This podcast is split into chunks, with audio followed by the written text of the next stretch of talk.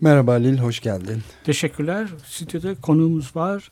Michael Hart, e, Antonio Negri ile birlikte yazdıkları İmparatorluk ve Çokluk başta olmak üzere birlikte yazdıkları kitaplar e, yeni toplumsal akımlar için, hareketler için bir tür yol gösterici olmuştur. Çok önemli bir düşünür, politik düşüncenin önde gelen isimlerinden bir tanesi. Boğaziçi Üniversitesi'nin düzenlediği Boğaziçi Chronicles kapsamında İstanbul'daydılar bir süre ve bugün de bizim Açık Radyo'da konuğumuz.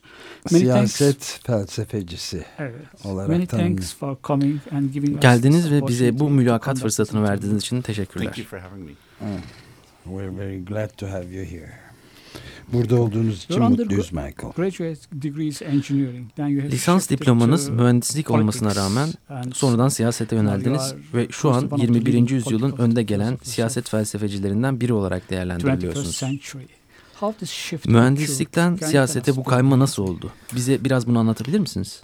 As a, as an 18 yaşında biri olarak dünyayı değiştirmenin yolunun um, tatbiki olduğunu, bir şeyleri yaparak değiştirmenin mümkün olacağını düşünüyordum.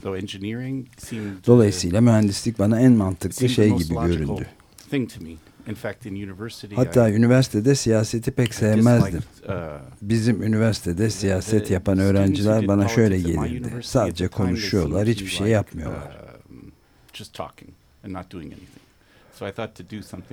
Ben uygulamalı, tatbiki bir şeyler yapmak istedim. 1980'lerin başında enerji krizi vardı ve o dönemde ben uh, alternatif enerjinin gerekliliğine ve önemine inanmıştım.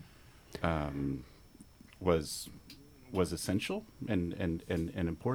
um, bu konuları okudum zaten ve bu yüzden daha sonra fotovoltaik piller yani elektrik üreten güneş uh, panelleri dediğimiz şeyler üzerinde çalıştım.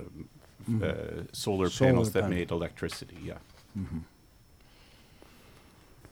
Yeah, uh, and uh, talking about the energy crisis, I think enerji krizi right demişken şu an bence çok büyük bir krizin ortasındayız. Bill McKibben'ın Rolling Stone dergisinde yayımlanan en yeni makalesinde dediği gibi bu medeniyetimizin karşılaştığı en büyük kriz. The magazine Rolling Stone Uh, the biggest crisis our civilization has ever faced. So uh, I really would like to ask you about Size şunu sormak isteriz. Yani dünyadaki son kitle hareketlerinin yani 21. yüzyılın ilk 10 yılından sonra uh, başlayan ve günümüzde de devam eden tüm kitle hareketlerini yakından takip ediyorsunuz. 21st century the mass movements all around the world starting with Tunisia maybe. Tunus'la başlayan And then, uh, the tahrir tahrirle devam eden Arap Baharı'nı uh, Occupy. İspanya'da Indignados ve Amerika Birleşik Devletleri'nde Occupy Wall Street hareketlerini. Uh, I really would like to sormak istediğim uh, şu. It's a sort of a one leg benim Tek. düşünceme göre bu tabir caizse tek bacaklı bir şey. Hareketin bir yönü açıkta kalıyor gibi. Really want to uh, see what you uh, what uh, yani iki hareketin bu saydığım hareketlerin yanı başında şimdi oldukça kitleselleşen, büyüyen bir iklim adaleti hareketi de var. Bunların bütünleşmesi şart bence. Bu iki hareket nasıl birleşebilir? I'm curious about how to com how these two movements can converge and if they don't Actually, Ve eğer bu iki hareket bütünleşemezse uh, dünyada gerçek anlamda bir zaferden bahsedebilir miyiz? Real uh, victory so to say.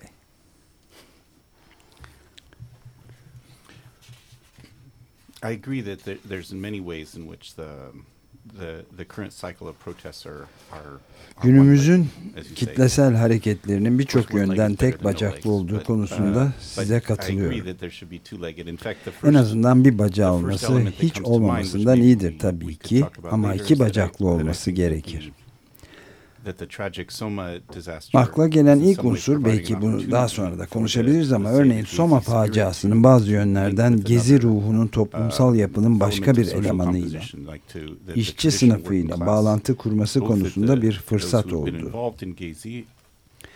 Gezideki çoğunlukla şehirli, yüksek eğitimli ve genç insanlar hem işçilerin özellikle Soma'daki işçilerin içinde bulunduğu şartların farkına varması açısından hem de bazılarının Soma'ya gitmeye çalışması, onlarla bağlantı kurması için bir fırsat yarattı. Uh, Bu durum iki bacaklı bir canavar için iyi bir fırsat olabilir. Bu konuya daha sonra döneriz isterseniz. Şimdi asıl sorunuza dönersek başka bir um, ayağa soruyorsunuz ki beni 3, 4 belki 5 ayaklı bir şey daha um, bile çok memnun ederdi. Ekolojik sorunlar ve iklim değişikliği bu global hareketlerin uh, birçok kısmının bir parçası ecological questions and climate change in particular has been one of İklim adaleti Amerika Birleşik Devletleri'ndeki Occupy hareketinin bir parçası, uh, Gezi'nin de elemanlarından biriydi. Yine de sizin de önerdiğiniz gibi çok daha fazlası olmalı. Bana göre biraz soyut düzeyden başlayacağım.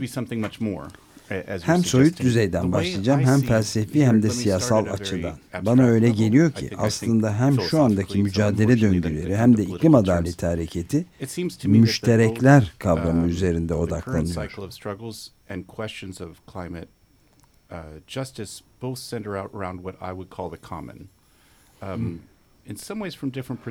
Bazı açılardan farklı perspektifleri olsa bile ilk uh, kez 2009 Kopenhag İklim Zirvesi'nde net olarak fark ettiğim bir şey oldu bu. Avrupa'daki uh, çevre aktivistleriyle antikapitalist, alternatif küreselleşme aktivistleri arasında uh, bir tür müzakereye tanık oldum. Her iki harekette müştereklere odaklanmıştı.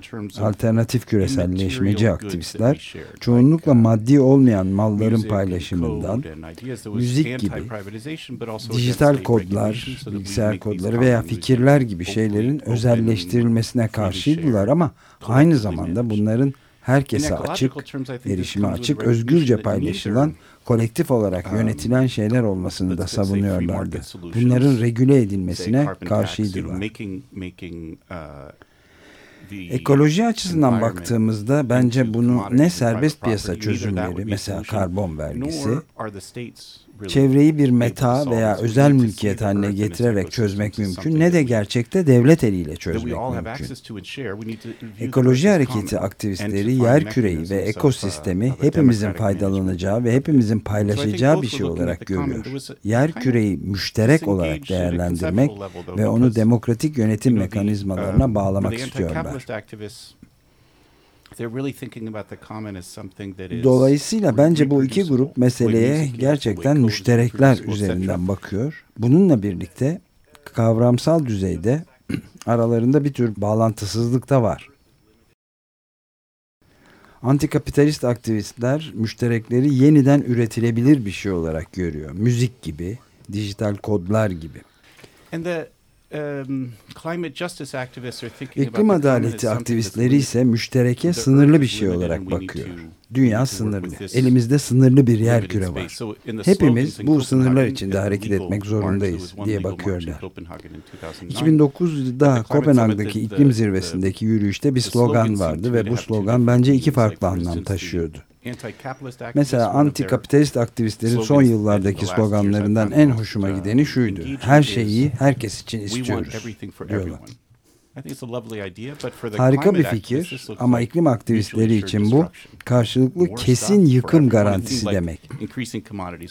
Herkese daha fazla eşya metal demek gibi oluyor. Bunun yanında iklim aktivistlerinin bence en hoş sloganı ise B gezegenimiz yok, B planımız yok anlamında.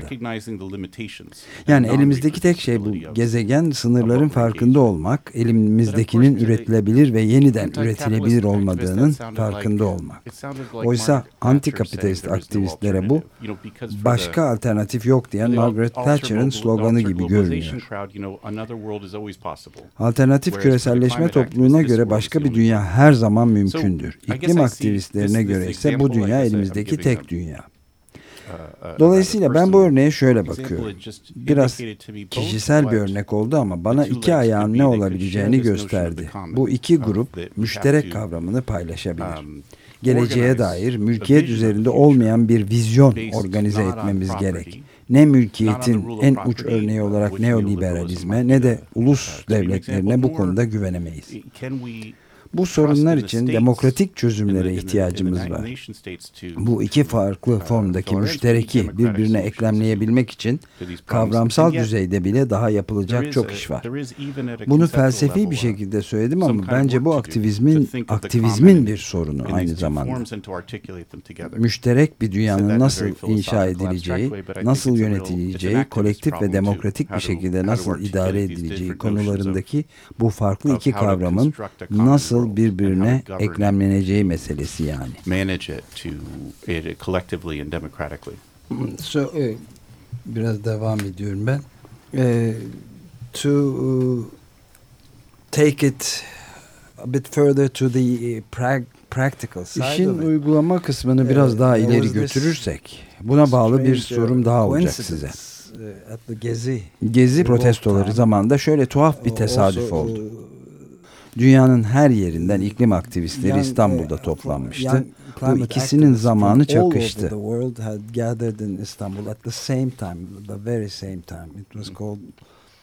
Tam olarak aynı zamanda oldular. 350 org tarafından organize edilen bu eylemin adı Global Power Shift. Global eksen kaymasıydı küresel eksen kayması. Benim de iklim aktivistlerine bir konuşma yapma şansım olmuştu ve buna uh, Gezi Parkı protestosunun ve küresel iklim hareketinin hikayeleri arasındaki noktaları birleştirip tamamlamak adını verdim. Connecting the dots between the two narratives of the Gezi İki hikaye arasında. Gezi Parkı protestocuları veya kendilerinin hoşlandığı terimle söylersek direnişçiler de dünyanın her tarafından gelmiş olan genç iklim aktivistleri de aslında bir paranın iki yüzü gibiler. Bu para metaforunun çok da uygun olduğunu düşünüyorum.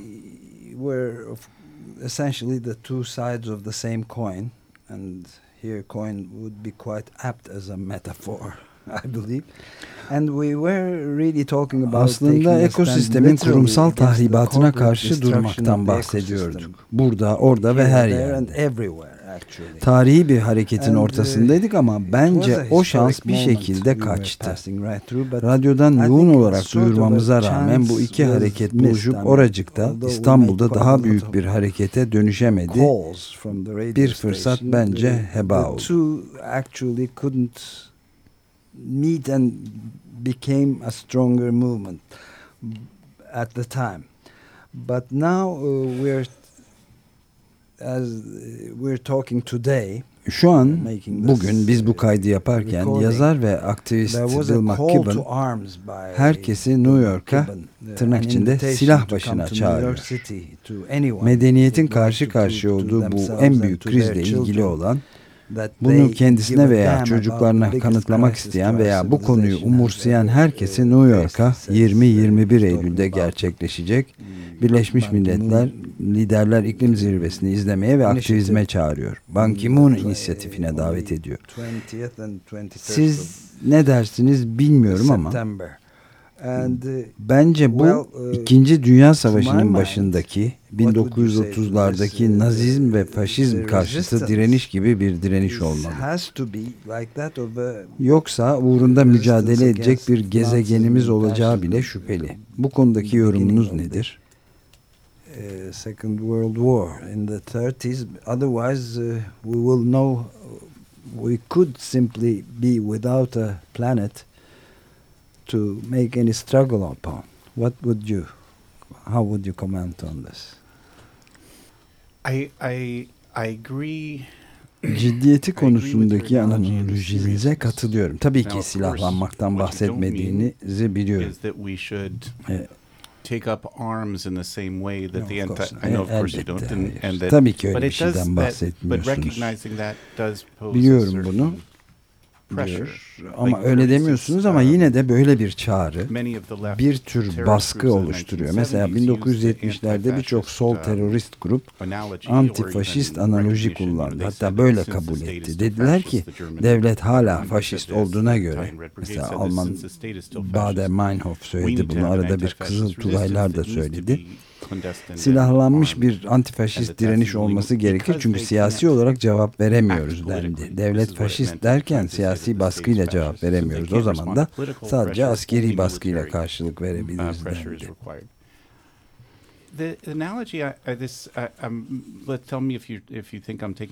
Yaptığınız analojiyle ilgili çok ileri gidiyorsam söyleyin ama hala bunun bir bu yönde ilerlediğini düşünüyorum. Kurulu siyasi mekanizmalar iklim değişikliği sorunuyla baş edebilmek uh, konusunda son derece etkisiz.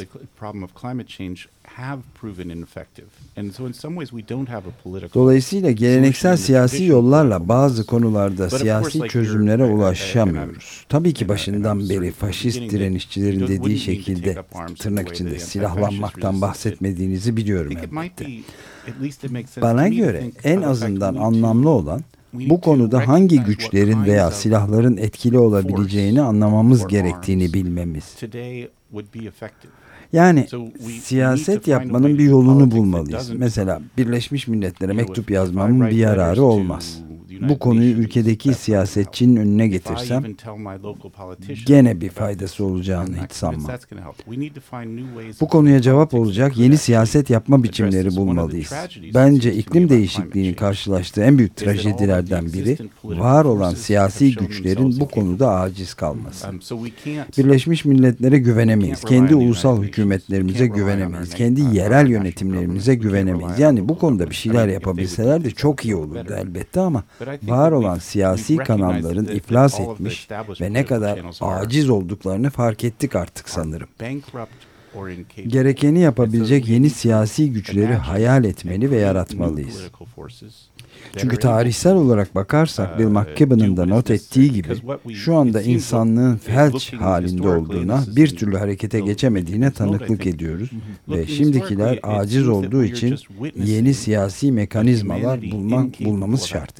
Yeah, exactly. And so we need to find find new mechanisms for political action because the existing ones are are are incapable.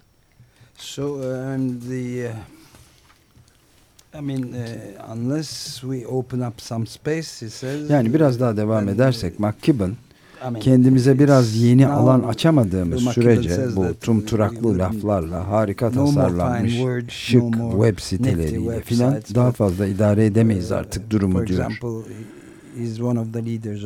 McKibben'ın başını çektiği 350 o grubu Amerika Birleşik Devletleri üniversite ve kolejlerinin fosil yakıt şirketlerine yapılmış yatırımlarını geri çekme hareketini yürütüyor ve bazı başarılar da kazanıyorlar.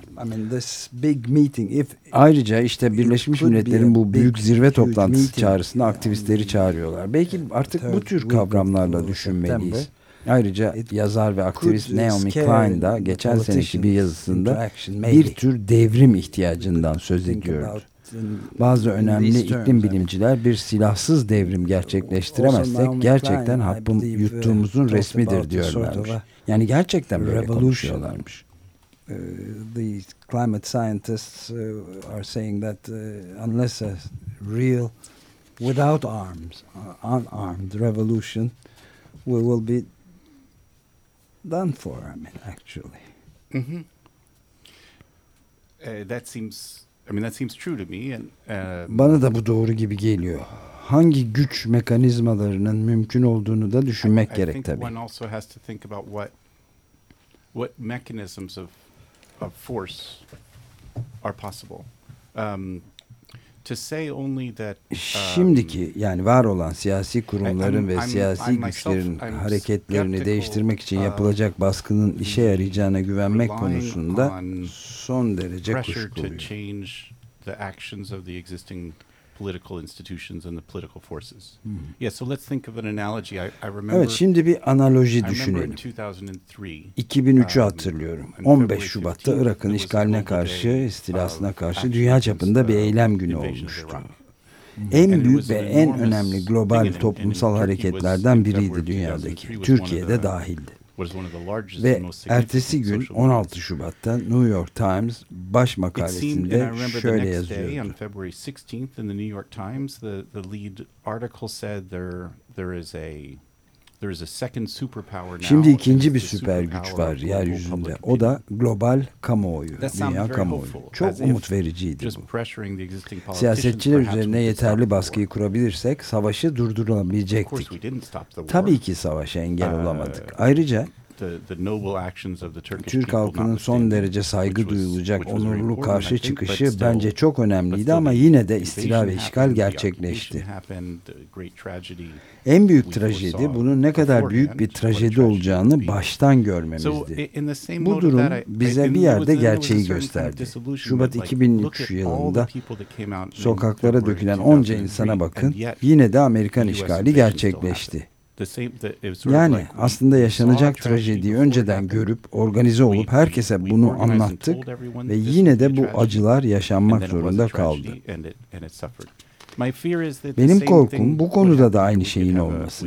20 Eylül günü büyük ve global bir eylem yapılabilir. Dünyanın her yerindeki kentlerde milyonlarca insan sokaklara dökülebilir ve gene de gereken dönüşüm gerçekleşmeyebilir.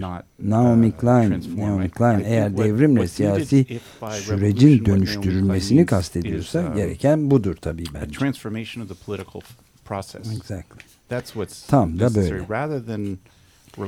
Evet, gereken işte bu. Uh, Kamunun taleplerine cevap verebilmesi için mevcut siyasi güçlere güvenmek yerine çok daha temelden bir dönüşüm olmalı bence. Bu aslında bir um, yolu düşündürüyor. Sizin iki ayaklı hareket durumuna geri geliyoruz. Gezi ruhunun iklim değişikliği konusunda karşı karşıya kaldığımız durumun ciddiyetini ve çaresizliğini fark etmesi gerektiğini söylüyorsunuz. Bence gezi ruhu ve kamplar bize alternatif karar alma veya model e, karar alma süreçleri, kolektif siyaset üretme gibi konularda ilham veriyor. Gelecekte gezideki yapılar veya model geçerli olacak demiyorum. Öyle değil tabii ama hayal gücümüzü şu anki devlet yapılarının ve gücünün ne yönde değişebileceği konusunda çalıştırıyor düşüncelerimizi o yönde açıyor.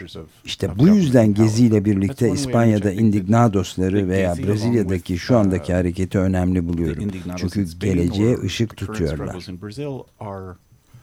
are an important uh, beacon, an important um, kind of lighthouse showing us showing us a way forward. evet, şimdi sözü dostum Halil Turanlı'ya bırakıyorum. Nihayet çok konuştuğum için de özür dilerim. 2008 Mali krizinin ardından başlayan hareketler, Occupy hareketleri, kurulan kamplar, Avrupa'nın ve dünyanın değişik yerlerinde tüm bu hareketler neoliberalizm adaletsizliğine karşı olduğu kadar bir yandan da temsili yönetim sistemine karşıydılar. Uyguladıkları belki de çok geniş çap değildi ama demokrasiydi. Sizin önerdiğiniz demokrasiye esasına benziyor muydu bu demokrasi uygulamaları diye de sormak istiyorum size. Yes, and um, and I would say that the Evet ama şunu da ekleyeyim ki e, sebeplerin uh, sırası aslında bazı yönlerden de ters. Tony Negri ve benim önerdiğimiz demokrasi kavramı uh, bu hareketlerden faydalanır, bunlardan birçok şey öğreniriz diyebilirim. 2010'da um, Tunus'ta başlayıp 2011'de devam eden Gezi'ye Brezilya'ya kadar devam eden bu son dönem mücadeleler önemli ilerlemeler kaydetti. Bu hareketlerin yaptığı um, önemli şeylerden biri demokrasiyi yeniden gündeme getirmek oldu. Demokrasiyi bir sorun halinde önümüze getirdiler. Sorunu çözdüler diyemem ama bir sorun haline getirdiler. Bu önemli bir şey. Benim bakış açıma göre yakın geçmişte demokrasi kelimesini telaffuz etmek çok zordu. Demokrasi son derece yoz bir kavrama dönüşmüştü. That at best means um, elections every four or six years. But son 4 yani 4 5 6 yılda bir seçimler anlamına geldi ve bundan ibaret kaldı en iyi ihtimalle veya bir Türk vatandaşı için anlamlı olmayabilir belki ama Türkiye vatandaşı için Amerikan perspektifinden bakınca şöyleydi. Bir Amerika Birleşik Devletleri Başkanı ne zaman demokrasiden bahsetse bir yerde birileri bombalanacak anlamına geldi. Onlar için demokrasinin anlamı bunlar oldu. Eğer demokrasi bu demekse bunun bizimle alakası yok. Özellikle 2011'de Kuzey Afrika'daki baş kaldırı demokrasi sorusunu yeniden gündeme getirdi. İspanyolların sloganı Demokrasiya Realia, gerçek demokrasi şimdi. Başta naif gelebilir insana. Yıllanmış tecrübeli sol aktivistlere özellikle naif gelebilir. Bunu daha önce de çok duyduk canım filan diyebilirler ama bence bu Akdeniz'den gelen bir ruhtu. Kuzey Afrika'da demokrasi sorusunu yeniden gündeme getirmek onlar için çok önemliydi. Aslında bizim için de önemli oldu. Evet aslında bu hareketler demokrasi sorusuna cevap vermedi ama demokrasi sorusunu yeniledi. Demokrasi nedir? Ne olmalıdır? Bu hareketlerin en önemli noktası budur bence. That seems to me an very important aspect of their movements.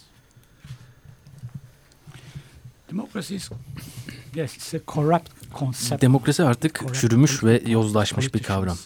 Siyasi partiler, siyasetçiler ve tüm kurumlarıyla. Ne var ki demokrasiden feragat edemeyiz. Onu tanımlamamız gerekir. Yeniden tanımlamamız yeni temeller ve kaide üzerine oturtmamız, yeniden tesis etmemiz gerekir. Nasıl yeniden tesis edebiliriz?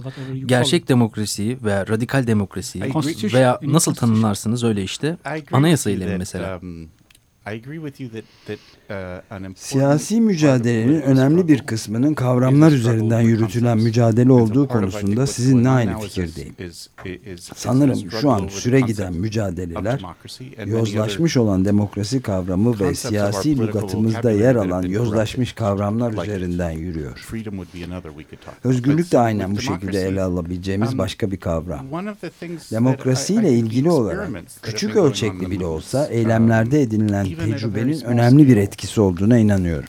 Örneğin Türkiye'de oluşan forumlar son derece sağlıklı bir gelişme. Düşünsenize um, demokrasinin kendisi etkin katılım demek zaten. Uh, Başkalarının bizim adımıza konuşması değil. Başkalarının bizim adımıza konuşması, bizi temsil etmesi durumu da vekillik, temsil sorununu veya bunların reddi konusunu beraberinde getiriyor that mandate against others speaking in our name uh, that, that goes along with the Bununla at başı giden diğer bir önemli yön de siyasete duyduğu tiksintiden ya da bıkkınlıktan dolayı kendilerini yıllardır siyaset dışına çekmiş olan kişilerde geçen yıl görünen ani politikleşme olayı ve bu süreçte görünen büyük artış. Ve bu bence demokrasi meselesinin, demokrasinin devam eden inşa sürecinin bir parçası part of the, the, the issue of democracy, the construction of democracy going on? Uh, well, uh, Peki daha önceki tartışmamıza geri uh, dönecek olursak yine Bill McKibben uh, rasyonel bir dünyada kimsenin gösteri yürüyüşü yapmasına gerek olmaz zaten diyor. Ama ne yazık ki bu rasyonel bir dünya değil. Rasyonel bir dünyada siyasetçilerin mesela bilim insanlarını can kulağıyla dinlemeleri gerekir. Onlar küresel iklim değişikliği için ilk defa ta 25 yıl önce alarm verdiğinden beri. Fakat dünyamızda akıl ve bilim tartışmayı kazansa da savaşı kaybetti diyor Bill Fosil yakıt endüstrisi herhalde insanlık tarihinin en zengin girişimi olmanın verdiği güçle yapılması gerekenleri, alınması gereken önlemleri geciktirdi durdu. Her şey için çok geç olana kadar erteledi. Şimdi mesela Türkiye'de Soma'daki faciaya kadar genişletebiliriz bu konuyu. Soru şu, sokaklara dökülmek çok gerekli ama bu nasıl organize edilebilir? Uh, Bunu nasıl organize etmeliyiz? In, in inverted commas of course. So taking to the streets is very much necessary but how could we organize it? How should we organize it? Well, first it's important Uh, Öncelikle McKibben'ın dediği gibi siyaset akıl yönetmiyor. Siyaseti. Siyaset çıkar gözeten bir alan. Siyaset aynı zamanda ve hatta esasında etkiler, uh, etik ve tutkularla ilgilidir. Toplumsal hareketler kısmen sokakta olmakla, kısmen de çadırlarda, kamplarda olmakla anlam bulur. Kamplarda bir arada olma duygusunun insana verdiği neşe ve coşku mesela ve bunun keşfedilmesi, hırsların ıslah edilmesi, Sonra sadece öfke değil sevgi. Bence gezinin en önemli yanlarından biri de bu. Birlikte olmanın hazzı ve bunun keşfedilmesi. Uh, Siyasetin etkileme veya hırslar üzerine kurulu bir alan olduğunu öneren birinci kısma katılıyorum. Bunu kötü anlamda da söylemiyorum. Ben siyasetin akıl ve bilim üzerine kurulmuş katı bir alan olmasını tercih um, etmezdim doğrusu. İkinci konuysa rasyonellik ve çıkarlar. Birçok iklim bilimci Bill McKibben da aralarında sermayenin gücünü dışarıda bırakmakla kalmıyor Aynı zamanda zenginliğin gücünü de tam hesaba katmıyorlar. Yani var olan siyasi um, güçlerin fosil yakıtçılara karşı harekete geçmemeleri benim için uh, sürpriz değil. Karlarının büyük bir kısmı oradan geliyor. Yani bence sorunu doğrudan iklim değişikliği veya fosil yakıta dayalı olarak yöneltemeyiz. Aslında bunun temelini oluşturan ekonomik sisteme yöneltmeli, ona saldırmalıyız. Bu daha farklı ve daha geniş alanda bir uh, mücadele ve sadece rasyonelliği içermiyor. Karlarına saldırmakla ilgili. Ee, zenginliklerine saldırmakla. Bence yoksulluk ve sömürüyle mücadele meselesi de bununla el ele yürümeli. İklim değişikliğine dikkat çekmek için bazı yönlerden daha uzun yolun doğru yol olduğu söylenebilir kapitalist birikime, kapitalist sömürgeciliğe, kapitalist kâra dikkat çekilmesi gerekiyor. Dinleyicilerimizden biri belki eski kafalı biri olduğunu düşünebilir uh, ama bence en önemli mesele ve en önemli düşman budur. Um, I mean that sounds maybe um, I wonder if a listener might think that I sound old-fashioned when I say that, uh, but that seems to me uh, ever increasingly the the most the the proximate, the most important um, issue and and and enemy. Ee, bir e, müzik shall we sure, just yeah. take, take, a, break? a yeah. short break ee, evet e, bir e, parça dinliyoruz arada Sue Garner'dan I Like the Name Alice adlı parçayı dinleyerek bir ara verdik.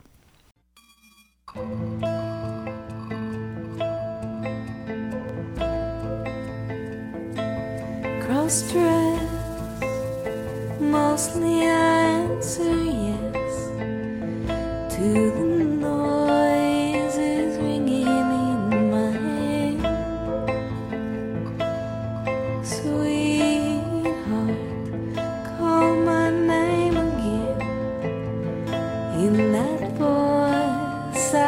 do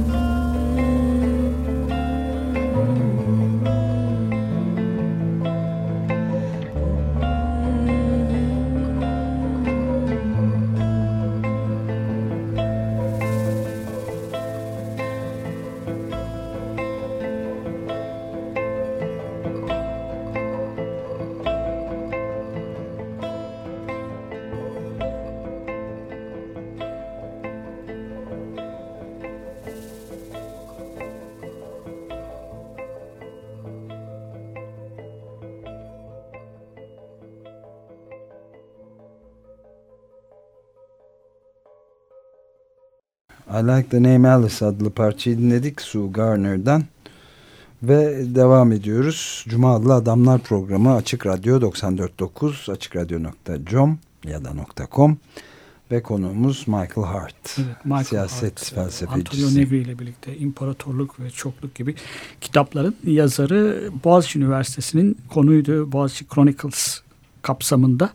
Aynı zamanda Açık Radyo'da da geldiler ve bizim de konumuz oldular. My next question is about bir sonraki sorum komünizmle ilgili. Bir başka yozlaşmış kavram. Komünizmin dayanılmaz hafif, hafifliğinin tadını nasıl çıkarırız? Nasıl bir komünizm önerirsiniz veya öngörüyorsunuz? Yeniden tanımlanması gereken bir başka kavram daha. Another concept that needs a redefinition. I agree with you that the I mean when um, Size katılıyorum. Yani basında mesela komünizm uh, dendiğinde benim anladığımın tam tersi anlamında kullanılıyor. Onlara göre devletin ekonomi ve toplum üzerinde tam kontrolü uh, demek oluyor komünizm. Söylediğim gibi benim anladığım bunun tam tersi. Son yıllarda düşündüğümde ve şimdi olan toplumsal hareketler perspektifinden bakınca komünizmi common yani müşterekler üzerinden değerlendirmenin komün kavramı üzerinden değerlendirmenin faydalı olacağını düşünüyorum.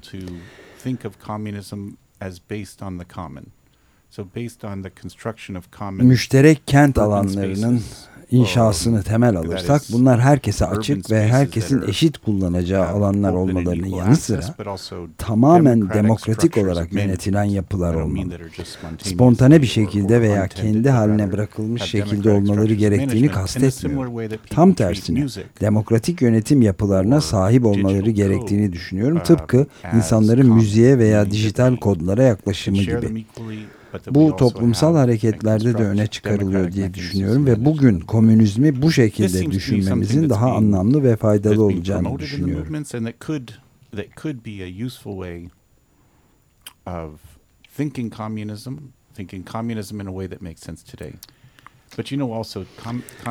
Ama biliyorsunuz bir yandan da uh, komünizm gibi kavramlar geçmişten çok fazla yükle, bagajla geliyorlar ve veya bazı sosyal durumlarda veya uh, bazı kişilerle konuşurken onu bütün bu çağrışımlardan sıyırmak çok zor olabiliyor. Uh, Bazen yeni bir şey başlatmak, mesela yeni bir isim vermek daha doğru bir seçenek de olabilir.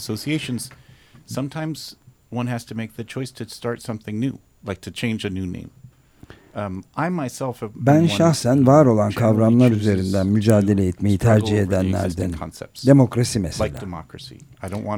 Bu kavramdan vazgeçmek istemiyorum. Özgürlük kavramı için de aynı şey. Ama eğer dinleyicilerimiz arasında soğuk savaşla veya o dönemin antikomünist mücadeleleriyle güçlü bağlar olduğunu çok anlam yüklediğini düşünen biri varsa o zaman da o da bıraksın bu kavramı ve yeni bir şey denesin is too strong, well then just let it go and try something else. Uh, from there I'd uh, like to ask another question related Buradan baka, kalkarak bir başka sorum olacak. Bağlantılı bir soru. Boğaziçi Üniversitesi'ndeki bütün liderler nereye gitti? Where have all the flowers, uh, the leaders gone? Uh, adlı konuşmanızda Latin Amerika'daki değişikliklere değindiniz. Latin Amerika bir zamanlar Amerika'nın arka bahçesiydi.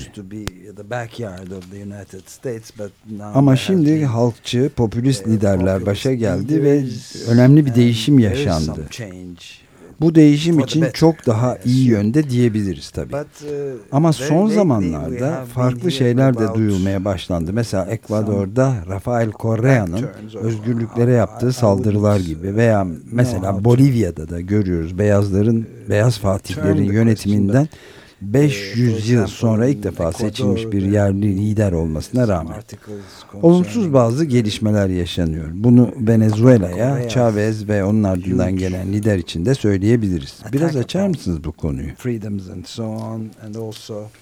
İn Bolivia we see although the first indigenous leader has ever been uh, chosen after oh, 500 years or so of conquistador, still uh, there has been some uh, negative changes. Uh, we could uh, take this to Venezuela as well. I mean, Chavez and after, after the aftermath of Chavez. What could you elaborate on this a bit? All of the Uh, Latin Amerika'daki tüm ilerici hükümetler toplumsal özgürlük hareketlerini takiben uh, başa geçti. Bu Venezuela, Bolivya, Ekvador, Brezilya, uh, Arjantin hepsi için doğru. Belirtmeyi unuttuklarım da vardır aralarında mutlaka saymayı unuttuk. Chavez gibi, Lula gibi um, siyasi partiler ve liderler birçok yönden bu toplumsal hareketleri temsil etmeye çalıştılar. Bu uh, iddiada oldular. Ama toplumsal hareketler tarafından bakıldığında hareketi temsil eden lider iş başına geçince bizden bir yönetime geldi veya hareketimiz artık tam temsil ediliyor. Oh artık rahatız diyerek evine dönebileceğini um, sanmamak lazım.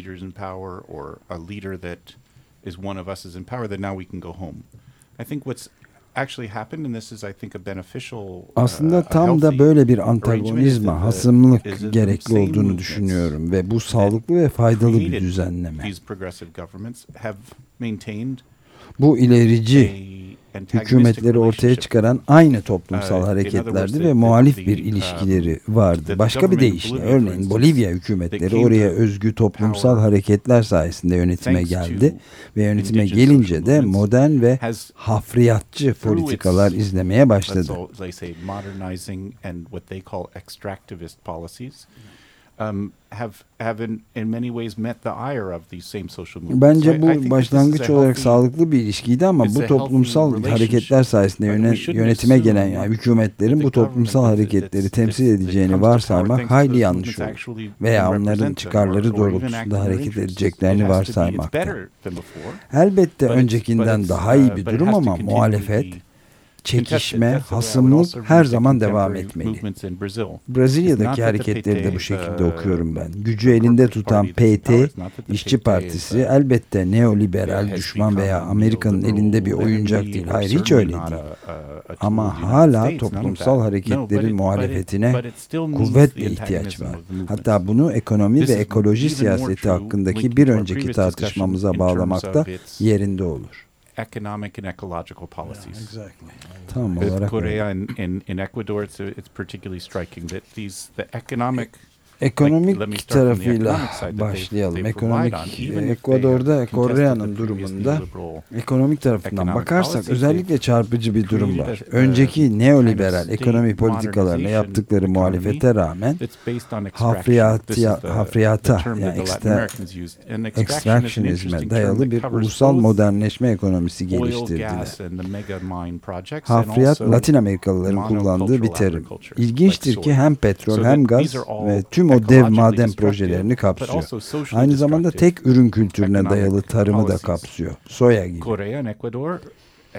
Şimdi bütün bunlar ekolojik olarak zararlı olduğu gibi toplumsal olarak da çok zararlı politikalar. Ekvador'da Kore'ye şöyle bakıyor. Bu arada Kore iyi bir iktisatçı. Yani bir iktisatçı, uh, dürüst bir iktisatçı. Sanırım o dürüst bir siyasetçi de ama diyor ki fakiri doyurmamız lazım. Zenginliği yeniden dağıtabilmek için Amazon ormanları konusunda ekolojik çıkarlarımız konusunda fedakarlık yapmalıyız. Bence yanılıyor ama dürüst bir duruş sergiliyor. Ve benim siyasi görüşüme göre bu hükümetlerin kurtarıcı olmalarını bekleyemeyiz. Bana sorarsanız sürekli alt, saldırı altında tutmak gerekir. Daha doğrusu saldırı demeyelim de sürekli muhalefet ve hasımlık yürütmek lazım. Toplumun istekleri doğrultusunda politik dönüşümün sağlanabilmesi için muhalif hasmane bir hareketin sürekli canlı tutulması lazım. with the desires of the of the population. And uh, the the term extractivism. Hafriyatçılık terimini Naomi Klein de sıkça kullanıyor öyle değil mi? Naomi Klein uses it quite often. Yes. Evet. Uh, is very apt. Uygun bir terim sayılabilir. Hafriyatçılığın tehlikelerinin farkında olmamız şart galiba.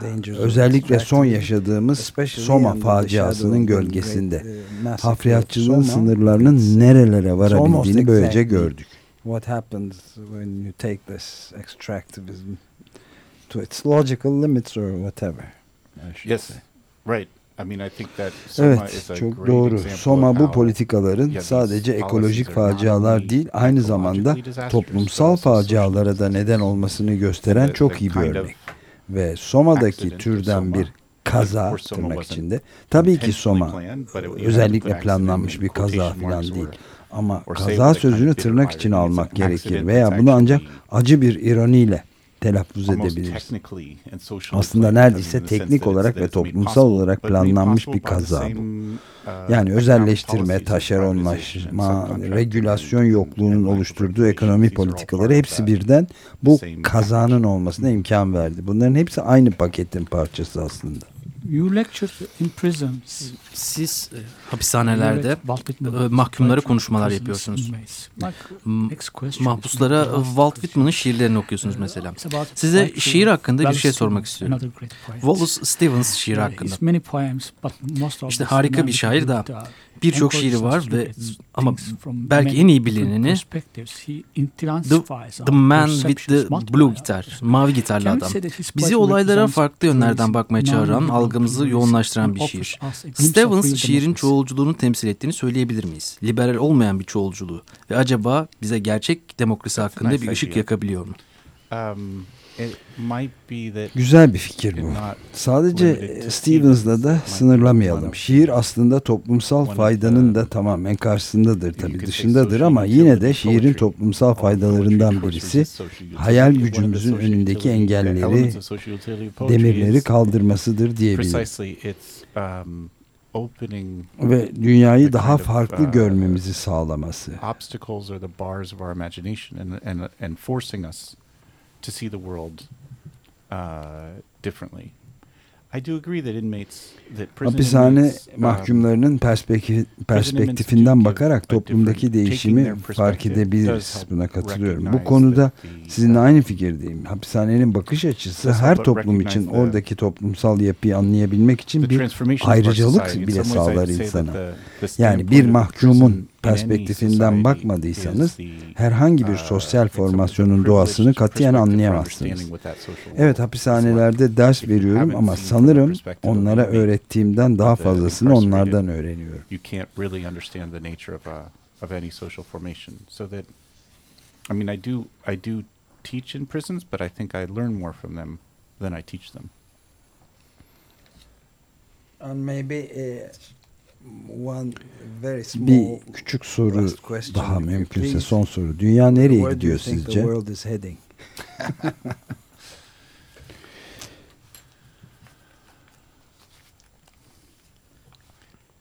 in the long term we are winning. Uzun vadede kazanıyoruz. But ama uh, o çok bilinen deyim yerindeyse uzun vadede the, hepimiz the öleceğiz. Uh, Birçok yönden iklim değişikliği soruları aslında bu deyimde ifade edilen durumu çok daha belirgin hale getirdi.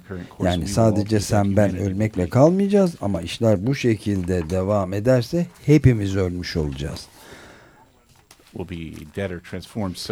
İnsanlık yok olacak veya değişime uğrayacak. Yani aslında uzun vadede kazanacak olmamız şu an hiç yeterli değil. Bu süreç hızlanmak zorunda.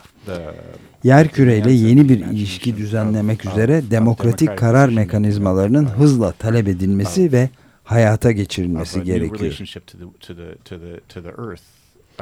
Düşündüğüm şey yer küreyi müşterek olarak kabul etmek ve onu sadece paylaşmakla kalmayıp ayrıca beraber idare ettiğimiz bir siyaset şekli işte bu yeterli hızda um, olmuyor. Uzun vadede kazanacağımızı fark ederek bu süreci hızlandırmamız gerekiyor.